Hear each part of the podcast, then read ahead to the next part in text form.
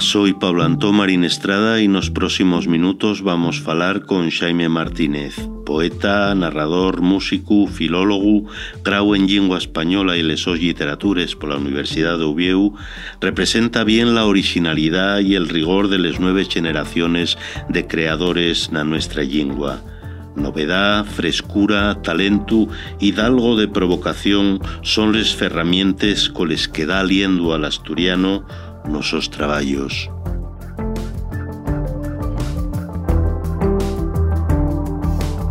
Nayuri, un espacio a Fallaizu para falar posao.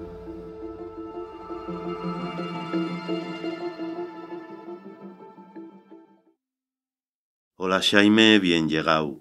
Eh, en, los, en las redes sociales eh, defineste como con una frase, escribo para cantar y para lo otro. Si tuvieras que definirte más allá de esa frase o ampliar ese significado de, de lo que quieres decir con ella, ¿cómo te definirías?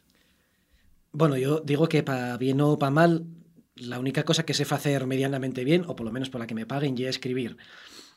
Entonces yo, bueno, yo concibome como un escritor, pero tampoco, no necesariamente con, con pretensiones, sino que yo toda la vida llevo haciendo, bueno, pues escribiendo textos periodísticos o escribiendo o escribiendo artículos académicos o escribiendo poesía o escribiendo noveles o cantares, ¿no? Entonces, en algún sentido, para mí todo está conectado por el fecho de la escritura, al margen de cuál sea el objetivo y el, y el marco, ¿no? Y vamos, digamos que aparte de, de, esa, de ese estímulo a la hora de, de crear, que, que siempre el lenguaje, en el tocasu es comenzaste, digamos, utilizando do, los dos lenguas de Asturias, ¿no? el castellano el asturiano, en un momento dado, con polémica incluida, eh, anunciaste públicamente que, que abandonabas el castellano para pa dedicarte, eh, digamos, exclusivamente a la nuestra lengua.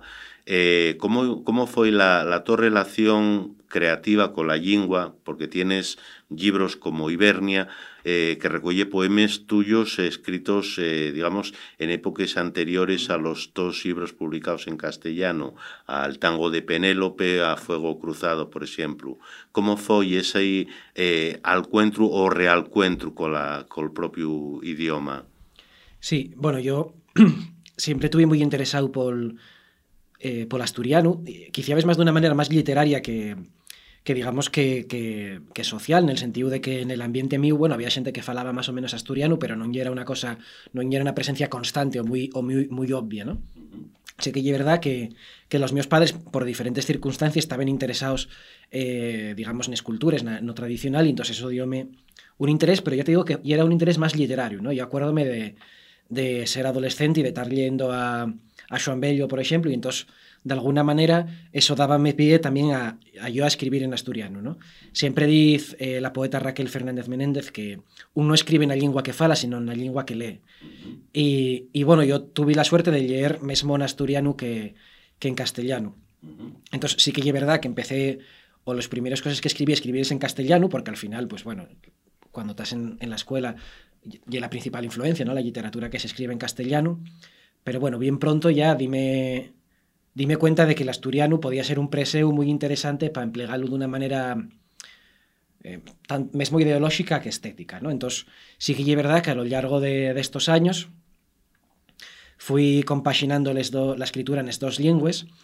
También, claro, yo, por ejemplo, viví un tiempo en, Barcelona, entonces, cuando estás fuera, mmm, creo que también tienes este, o, o, o desenrolles una comunidad alrededor tuyo, pues yo creo que eso también llévate a escribir una lengua que fala esa comunidad. Y entonces yo, bueno, vivía con un grupo de gente que éramos todos de fuera de Cataluña, pues eran muchos latinoamericanos, eh, y era, había gente de Valencia, de Sevilla, entonces...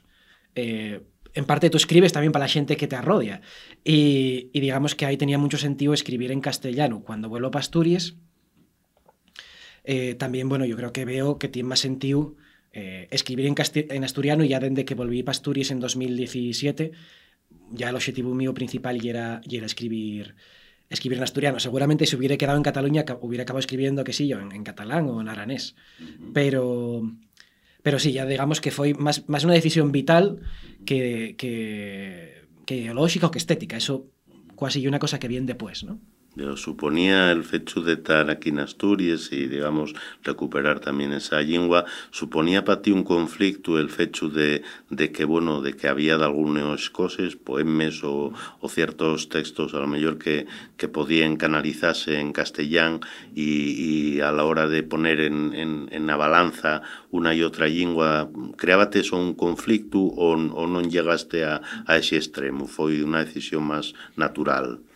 Bueno, no me creaba un conflicto en el sentido de de que me saliera una cosa de una lengua y después tuviera yo como que reprimirme, porque yo soy una persona que yo siempre digo que yo no tengo inspiración, yo nada más trabajo, entonces eh, en ese sentido yo poníame a trabajar en una lengua y salía en esa lengua, no, en ese sentido no, no fue muy problemático. Sí que supone un conflicto desde el punto de vista de la trayectoria literaria, para mí, porque evidentemente escribir en una lengua o dejar una lengua mayoritaria como y el como y el castellano para escribir en una lengua minorizada como el asturiano tiene una serie de, mm, de problemas muy grandes, ¿no? Entonces, claro, evidentemente, eh, pues tienes la sensación de que la gente léete mucho menos, el público y lector al que puedes llegar lee muchísimo menor, y en ese sentido eso siempre supone una, bueno, una dificultad, ¿no? Yo siempre digo que, que si yo el hecho de escribir la mi primera novela en asturiano, Quiere decir que no pude optar a ningún de los premios estos que dan a la primera novela no sé qué, libros revelación de no sé cuánto, eh, primeros novelistas, no, porque la gente no lo leyó. ¿no? Entonces, eh, sí que es verdad que supone una gran reducción del público. Y mucha gente piensa que escribir en asturiano eh, y un gran beneficio para un escritor, que yo no sé qué decirte, igual si es un escritor, eh, bueno, sin muchas ambiciones o que lo que nada más quieres ver publicada la tu obra, está bien. Pero yo siempre digo que a mí la mayor pagina y el mayor chiringuito para mí, fue escribir en castellano, porque dieronme el premio nacional. Es un, un premio de esa cuantía no existe en asturiano y no va a existir nunca, seguramente.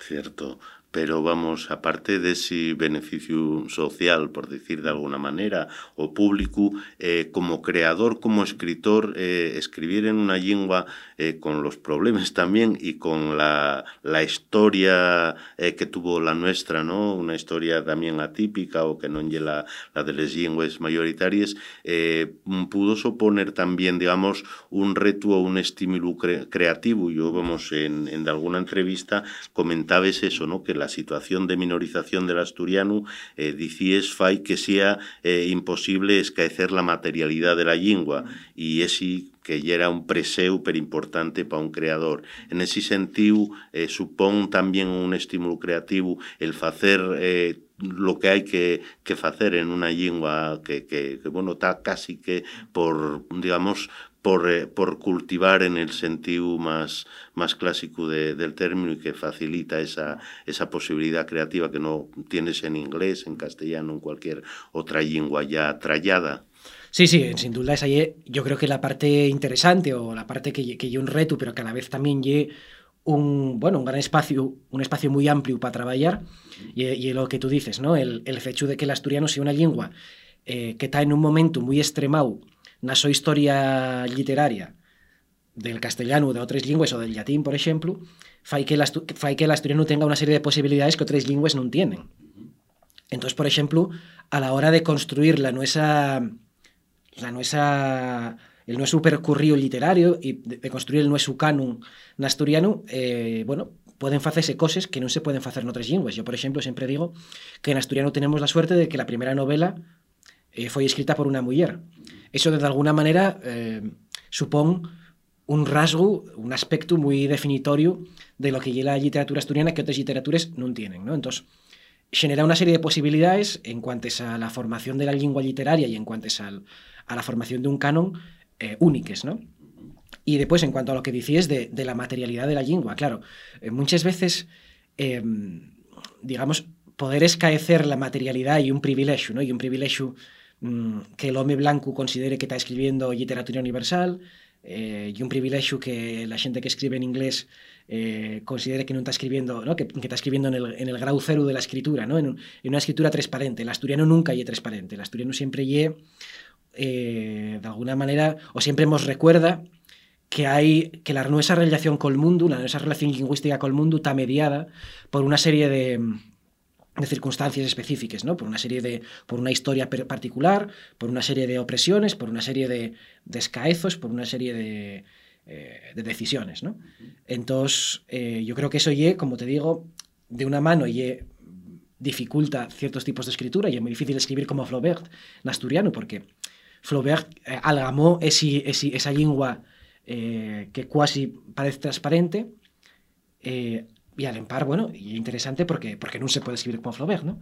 Entonces esa tensión y una tensión que no existe en otras lenguas. Uh. En el otro caso, eh, ese proceso, digamos, de también de, creación de, de, la propia lengua, eh, casi que coincidió también con, con el todo eh, propio proceso de, digamos, mm, formativo como escritor, de que vos, digamos, empieces eh, escribiendo poesía y el, el, tu último libro y una novela, La Fuerza o los cuatro eh, Epifanías. Epifanías de Martín Feito, perdona la, la, el mío lapsus de Alcordanza.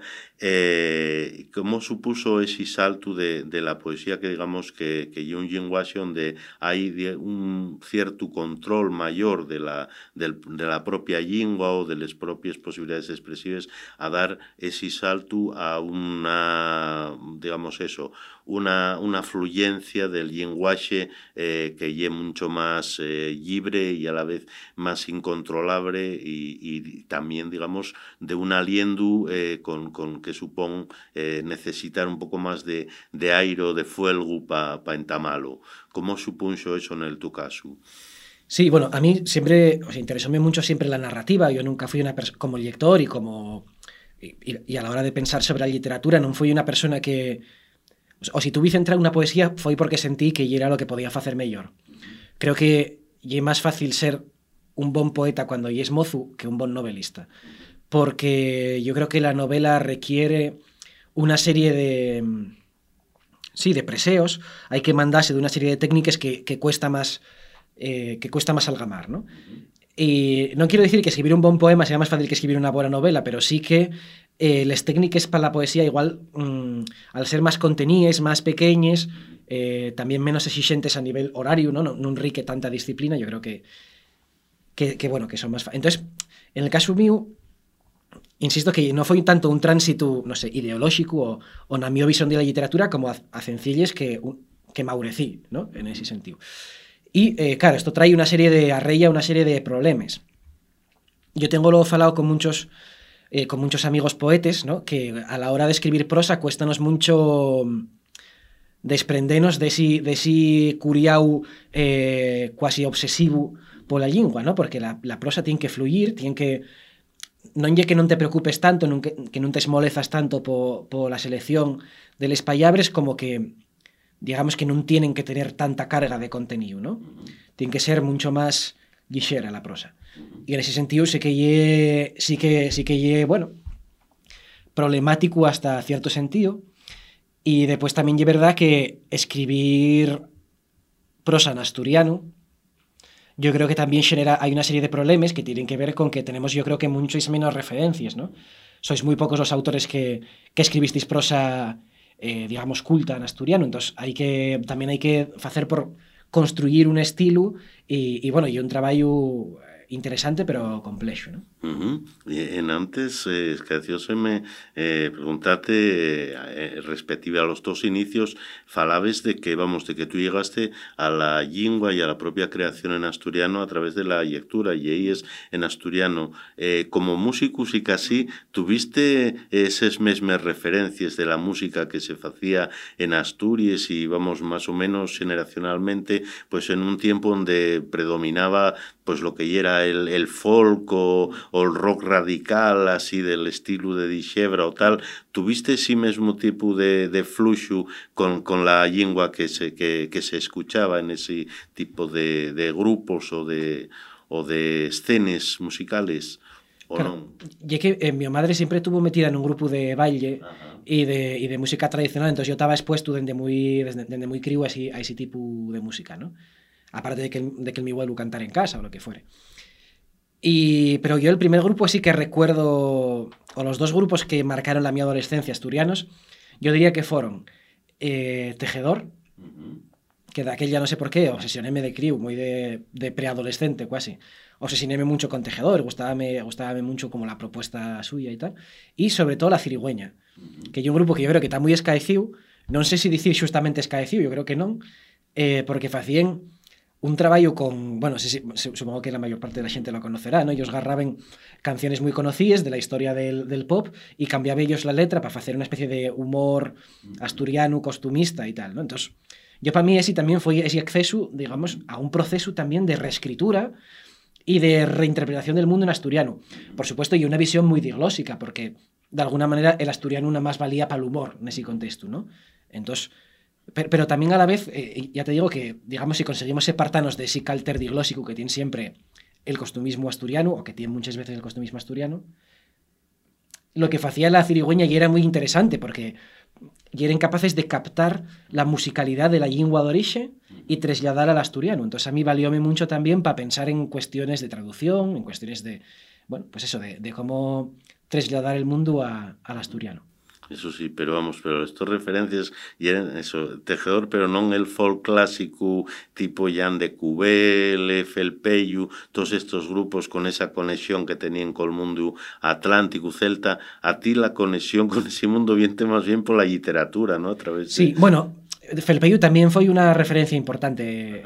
Sí, Felpeyu yo escuché mucho, Jan de Cubel también, pero, pero bueno, así, bueno, escuchaba todo, todo ese, ese mundo folky, pero sí, el que más, yo creo que el que más me interesaba y era Tejedor. Uh -huh. Pero, y, el, y con la relación, por ejemplo, eso con, con Irlanda, esas referencias que aparecen tanto en la tu obra, desde el mismo título de Hibernia, en, en este libro, eh, con la literatura irlandesa, también como traductor de tanto de clásicos, desde lo último que, que conocía tú y era de una traducción de, del gaélico, traduciste también al castellán, a, a Yeats, ¿no? Eh, para pa impronta, y en el libro de Hibernia abríase con, con una cita de, de, Cayo Cornelio de Tácito, de la vida de Julio Agrícola, que decía, muchas veces sentí decir que con una lesión y poca xente de socorro podía conquistarse y conservarse Hibernia. Si lo aplicaremos a la nuestra tierra, eh, Asturias eh, podía lograrse también otro tanto a través de, de la cultura o de, o de eso que, que, que, mueve siempre la creación cultural, tanto la música, la literatura, el cine, cualquier expresión que siempre tiene, digamos, con mayor o menor incidencia, pero siempre aguilla a la sociedad donde se crea. Eh, enfóteste en eso, en ese sentimiento. Sí, yo, eh, bueno, la mi relación con Irlanda, bien más bien porque yo tu, estudié un, un año en, en el Trinity College en, en Dublín, y, de alguna manera eso abrióme les puertes a una a pensar na historia moderna de Irlanda y, creo que hay una historia o, creo que la sociedad irlandesa y una digamos que hay un molde muy interesante para cosas que se pueden hacer y para cosas que convendría más no hacer y tal, ¿no? Porque, porque yo de alguna manera, bueno, yo tuve allí la suerte de poder estudiar además eh, cosas de literatura gaélica en traducción, ¿eh? Yo no sé hablar gaélico, pero pero sí que accedía a mucha literatura gaélica en traducción y tal, y entonces, bueno, al tener una mirada general de lo que es la, cultura irlandesa, eh, bueno, diome la sensación de que podíamos aplicar muchas cosas, muchas cosas Asturias. Eh, precisamente lo que tú decías, eh, bueno, todo lo que fue el, el celtismo en Asturias y en, en Galicia sobremanera, nos años 80 y 90 foi un movimiento moi interesante, con un raigaño político moi interesante tamén, porque lo que, de alguna manera, lo que se proponía y era que que de alguna manera el nuestro, el nuestro objetivo fuere el propio país y establecer una serie, una serie de conexiones con otros, con otros países, con otros territorios minorizados, sin falta siempre de tener que proyectarnos hacia Madrid o hacia Barcelona o lo que fuere, ¿no? Sino de alguna manera, pues eso, establecer esta red de, de, de cultures, de eh, subyugaes a otros, ¿no? Entonces, concretamente, el caso de, de Irlanda me interesaba porque, ye, bueno, y la primera literatura vernácula eh, que conocemos en Europa, ¿no? Eh, tiene una literatura medieval absolutamente increíble, en gaélico. El, la universidad, siempre se dice, la Universidad de Europa, ¿no? Era, eh, Irlanda porque se conservaban gran parte de los manuscritos que conservamos en Guaño, muchos vienen del mundo árabe, ¿no? Al través de, Al-Ándalus, pero muchos otros vienen porque se conservaron en, los monasterios irlandeses. Entonces, bueno, tiene esta, cultura absolutamente increíble y después, en el siglo, creo que XVII, cuando se produce lo que ellos llaman The Flight of the Wild Geese, ¿no? el, el vuelo de los ánades salvajes, eh, que llegue cuando eh, los ingleses, el conquistador inglés, digamos que ya no se, non se contenta con tener Irlanda como una colonia, sino que, que expulsa a la so clase aristocrática, que después espárdese por Europa, una especie de éxodo, de diáspora, ¿no? Y entonces ya cuando empieza a desaniciarse la cultura irlandesa y la, la literatura en gaélico. Y, esa nada más se recupera con el movimiento de con el fenianismo y el republicanismo y todo esto a finales del siglo XIX y primeros del siglo XX, ¿no? Con esta serie de autores que ya muchos de ellos escriben en, en inglés, pero que recuperen esa cultura de alguna manera menorgada. Y no sé, parece una, historia increíble y cómo después eso lleva a la, a la, independencia, ¿no? Y siempre, que si yo, pues Yates, que mencionabas que lo traduje yo, él era muy consciente del papel que tuvieron los intelectuales de la su generación a la hora de, impulsar un cambio brutal en la sociedad. Y un cambio que muchas veces tiene muchos aspectos paradójicos, porque, por ejemplo, dejó de falarse gaélico. En el momento en el que el gaélico perdió ese impulso político que tenía, porque Irlanda eh, se separó de fecho, de, fecho de, Inglaterra, bueno, pues el, gaélico perdió gran parte de ese valor político que tenía la sociedad. Entonces, bueno, parece que esta historia de Irlanda, mmm, que tiene muchas cosas para pensar la nuestra historia, la relación de la aristocracia, de, de, un, de, una especie de, bueno, en el caso de Irlanda, de un país colonizador, eh, de un poder extranjero, de, en fin, de, de, toda esa relación de la literatura con el poder, con, con, el movimiento político y demás, parece que, bueno, que hay muchas cosas que podemos traer, traer a Asturias. Sí. Y en cuanto a lo cultural, también hay esa renacencia que, que, imprime, digamos, un carácter también autocrítico, ¿no? Por ejemplo, en, en Irlanda, de, a los escritores que sucedieron a la generación de Yeats y de todos los, los, los que hicieron la Revolución de Pascua, sucede ellos los, los Patrick Kavanagh, eh, Flan O'Brien, vamos, el, el seudónimo de, de Flan O'Brien, eh, o, o, incluso eso, ¿no? Eh, Brendan Behan y tal, que de alguna manera eh, son críticos con la propia historia de la tradición. Esa beta eh, autocrítica y también revisa, revisadora del propio, de la propia historia, de la propia tradición, ¿crees que es necesaria en asturiano, facela? Estamos ya en el tiempo de hacer esa revisión crítica. Bueno, yo creo que siempre, yo creo que siempre llevo no hacer una una revisión una revisión crítica de todo, ¿no? Eh, sí, en el caso asturiano yo creo que sí que sí que sí que es interesante eso también ver también cómo nos relacionamos los escritores en asturiano con los escritores en castellano, por ejemplo, que es un tema que está muy, muy trabajado dentro de la literatura irlandesa. Y eh, bueno, pues sobremanera eso, también pensar cómo podemos, eh, de alguna manera, no estar eh, dependiendo siempre de los moldes eh, literarios y, y, de pensamiento que vienen de, de fuera. ¿no? Eh, falando de eso, de eso mismo, eh, el diálogo que hay siempre en dos eh, literaturas en Asturias conviven con perfecta normalidad eh, la literatura en asturiano, en castellano, incluso en, en gallego. En el Tocasu, eh, tú, tú, y estás, digamos, en uno de los, de los foros de, de Alcuentru, yo creo que ejemplares fue a lo largo de su historia, como, como ya la tertulia Oliver, eh, ya desde los osanicios ahí convivían autores en asturiano asturiano y en castellano. Eh, en el Tocasu, ¿qué al contraste en, en esa eh, tertulia? Al contraste, sí, caldo de, de cultivo, digamos, prestó su para, eh, lo primero, no tener ningún prejuicio en ese sentido y, y digamos que, aparte de, digamos, del propio estímulo literario, juntase con, con otros escritores y escritoras. Bueno, yo, yo creo que García Martín, eh, que él, bueno, eh, el pope de la tertulia Oliver siempre tiene un papel, o tiene un papel que muchas veces lleva un papel emético, ¿no? Y un papel que te lleva a, arrojar casi, ¿no? En el sentido de... Eh, que él siempre le gusta mucho llevar la contraria y pinchar a la gente y estimular eh, la creación, en ese sentido, digamos, en un sentido muy, una, como diría yo, como una ironía muy corrosiva, muy destructiva, que lo que falle que tengas que revisarte a ti mismo, ¿no? Entonces, eh, yo en el caso mío, claro, yo era consciente de que en Oliver hubo mucha gente que escribió que escribía y que escribe en asturiano, ¿no? Eh, pues eso, pienso, pienso en, no sé, en Antón García, que pasó por Oliver, en Joan Bello, eh, no sé, en José Luis Piquero, bueno, mucha gente de la tu generación, ¿no? López Vega. ¿no? López Vega. Uh -huh. Eh, pero a mí, por ejemplo, eh, García Martínez me decía que yo no, que escribía en asturiano como si fuera una lengua muerta, ¿no? Como si, fuera, como si escribiera en latín. O sea, que él siempre tenía ese punto de, aunque, fue, aunque tú supieras que ya era un lugar, entre comillas, seguro, no era un lugar seguro, sino que era un lugar de constante autocrítica y, como te digo, con esa función un poco emética. Y yo creo que esa y, o sea, y el, o, y el principal beneficio que tuvo, que tuvo eh, Oliver en el sistema literario asturiano, que no llena más que mucha gente se criare en baixo la solombra de Oliver, sino que mucha xente escapó de Oliver precisamente e foi casi como un revulsivo para facer cosas diferentes, que de outra maneira igual non se hubieran fecho.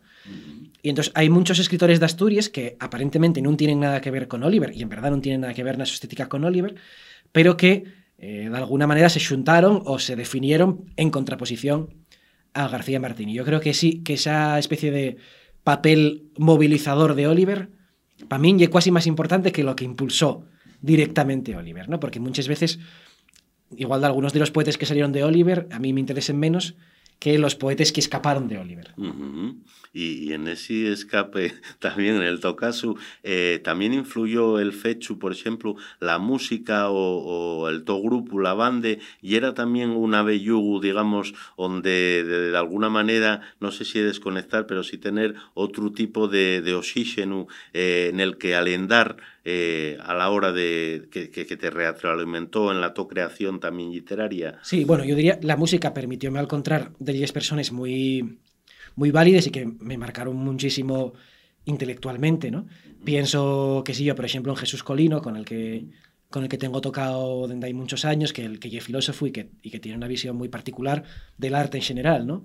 Y después pienso en, no sé, en gente con la que tengo tocado mucho, también productores, mmm, que tiene una visión muy, muy particular del, arte, ¿no? Pienso que sí yo, pues en Germán Álvarez Mingote, que, que siempre trabajó con él como productor, pienso en Miguel Nicolás, que es el guitarrista mío en la bande, pienso que sí yo, en otra gente a la que me permitió conocer la música, pienso en Pedro Vigil, por ejemplo.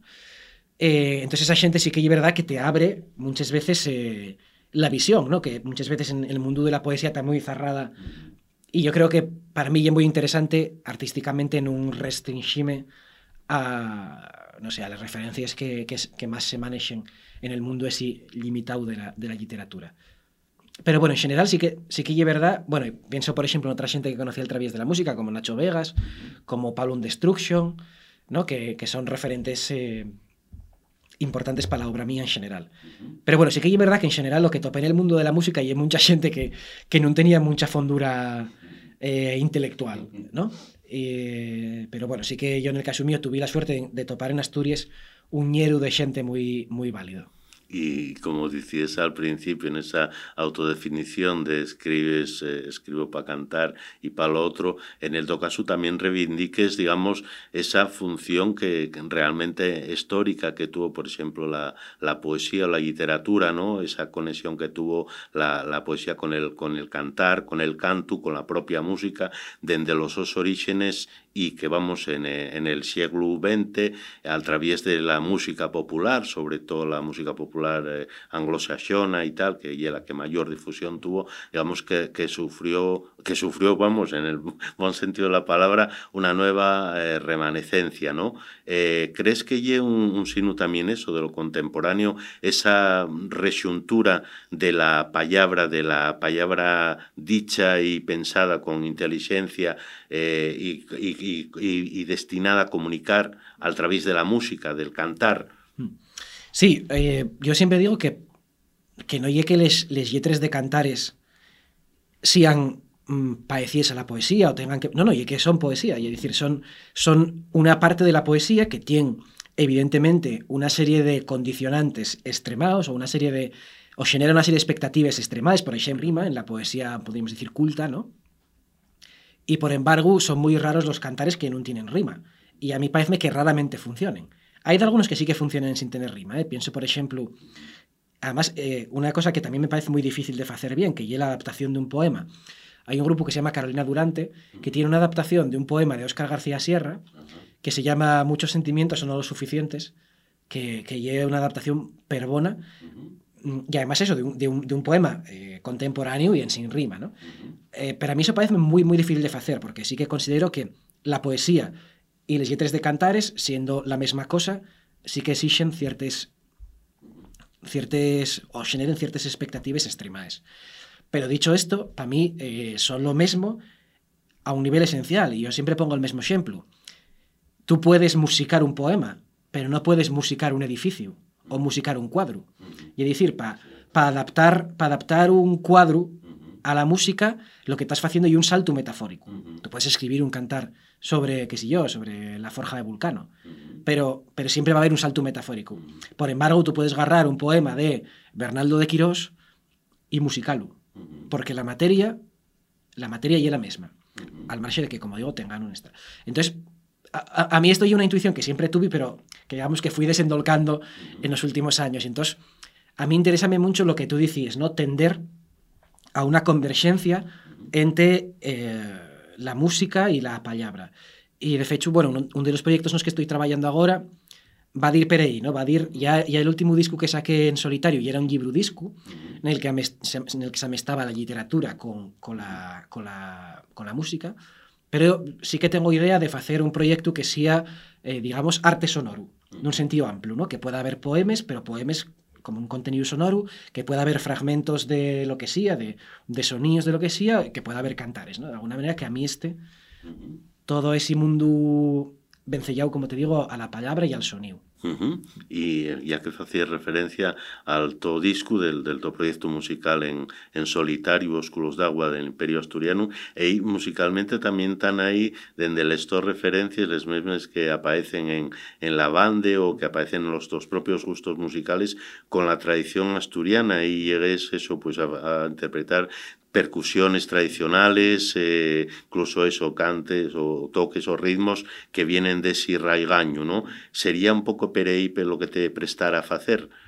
Sí, a mí me parece que el material folclórico o el material de la música tradicional y un material pero interesante para trabajar a partir de ahí y yo creo que tenemos grandes ejemplos de gente que está trabajando con ese tipo de materiales y que y fai cosas muy interesantes. Pienso, mesamente, pues, nos cantautores eh, en el revival, revival folk americano, ¿no? A partir de los años 50 y, y primeros de los 60, ¿no? Que quizá el más conocido será Bob Dylan, pero bueno, hay mucha más gente que trabajaban con sobremanera con el mundo de los balaes ingleses, ¿no? Con ese que realmente son como romances.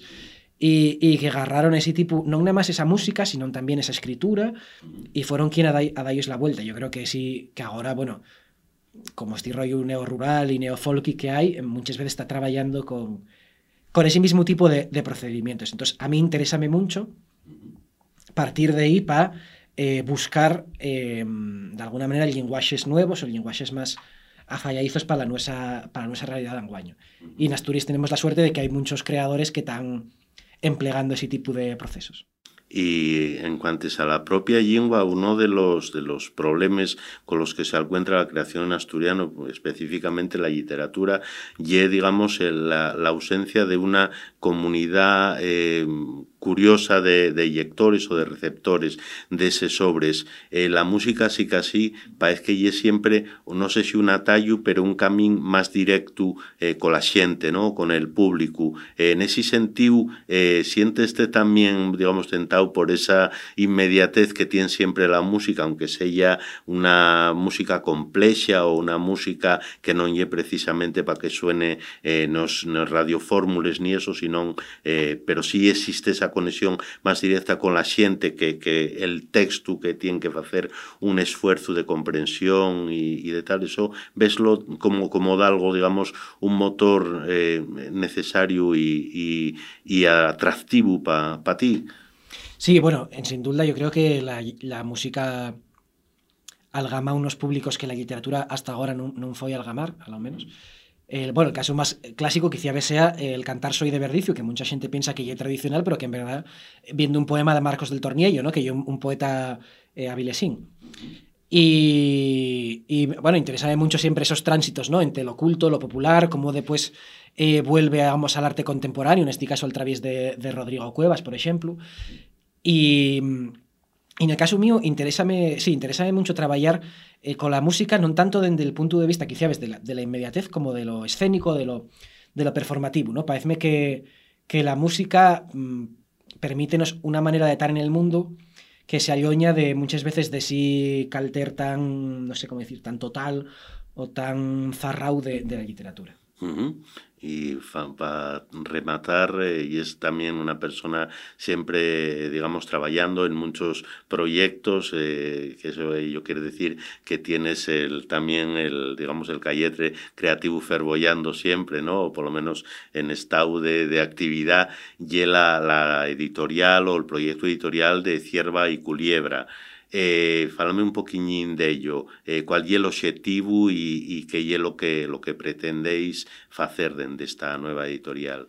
Bueno, Cierva y Culiebra foi un proyecto que llevamos ya dellos años eh, preparando, que, bueno, yo propuse a un grupo de xente, vamos, yo voy a ser el, el responsable, el director, pero propuse a un grupo de xente que ficieren parte deste, deste proxecto como Consello Editorial con a idea de crear un proxecto de edición, un sello, eh, que non fuere tan individualista, sino que tuviera un calter colectivo, porque creemos que, bueno, que hay un espacio y una necesidad para intervenir en el mundo de la literatura asturiana. ¿no? Hay muchas cosas que todavía queden por hacer y que queremos trabajar eh, con, la, con la comunidad de lectores asturianos y con, la, y con los autores de una manera, eh, bueno, que creemos que, que igual no se fixo tanto, ¿no? Queremos, por ejemplo, encargar libros a xente, xente que nos parezca que tiene una perspectiva interesante sobre un tema o sobre otro, queremos rescatar cosas eh, de, de, de, la tradición eh, literaria asturiana y queremos, de alguna manera, como te digo, bueno, pues generar unas políticas de la edición o trabajar a partir de unas políticas de la edición eh, que nos permitan eh, pues enanchar esa base de, de lectores en asturiano. Uh -huh. ¿Y cuáles son los dos eh, primeros libros o los dos proyectos que tenéis ahí pensados o leer? Los dos, los dos libros que salen en esta seronda son de una mano eh, La Xorda, eh, Nuevos Cantares de Chigre, que lle una, una selección de una esvilla de cantares de Chigre fecha por Rodrigo Cuevas, que tenemos la suerte de, contar con él, porque además es un gran, un gran, gran conocedor de ese de si inconsciente colectivo, ¿no? y un gran eh, conocedor de la tradición popular, pero también de, de, lo, de, lo que yo, de lo que gusta a la gente y de lo que la gente está ahora cantando y demás. Entonces, bueno, y una especie de percorrido a través de una noche, ¿no? a través de una noche que representa esa, esa, esa mística casi, ¿no? que nos permite hacer un nuevo canon de cantares de Chigre.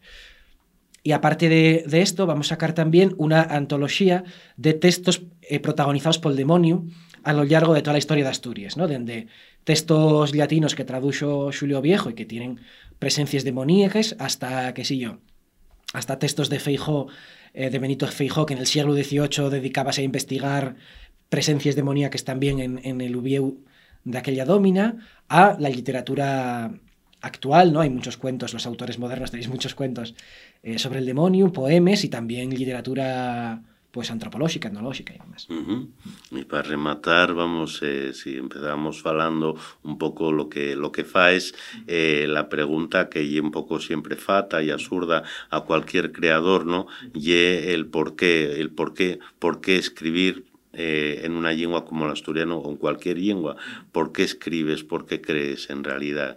¿Qué, estás, qué son, qué preguntas o qué respuestas son las que estás formulando, digamos, cuando, cuando faes eso?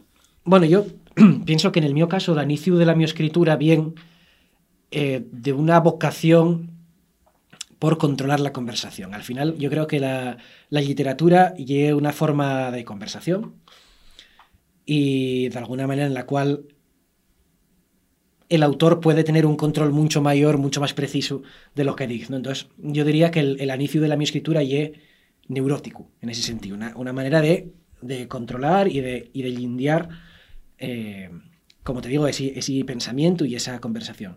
Eso ya era inicio, lo que pasa es que muchas veces una cosa, las cosas son como empiecen y otra como acaben, ¿no? Y, en el mío caso yo creo que, que atopé en la literatura también una comunidad de gente eh, con la que falar y con la que entendeme y, y, que me dio muchas cosas, me dio una perspectiva diferente de, de mirar el mundo y me, y me ayudó a, a repensar eh, la mi realidad, ¿no? Entonces yo diría que empecé, empecé por una enfermedad y que continúo por otra. Muy bien, pues eh, y sigues además eh, con, con, la creatividad, eso como decíamos en antes, verbollando. Así que muchísimas gracias, Jaime, por mantener esta otra variante de esa conversación que, que mantenemos siempre con, con Dalguien, ¿no? Aquí con nos. Muchas gracias, Jaime. Muchas gracias a vos.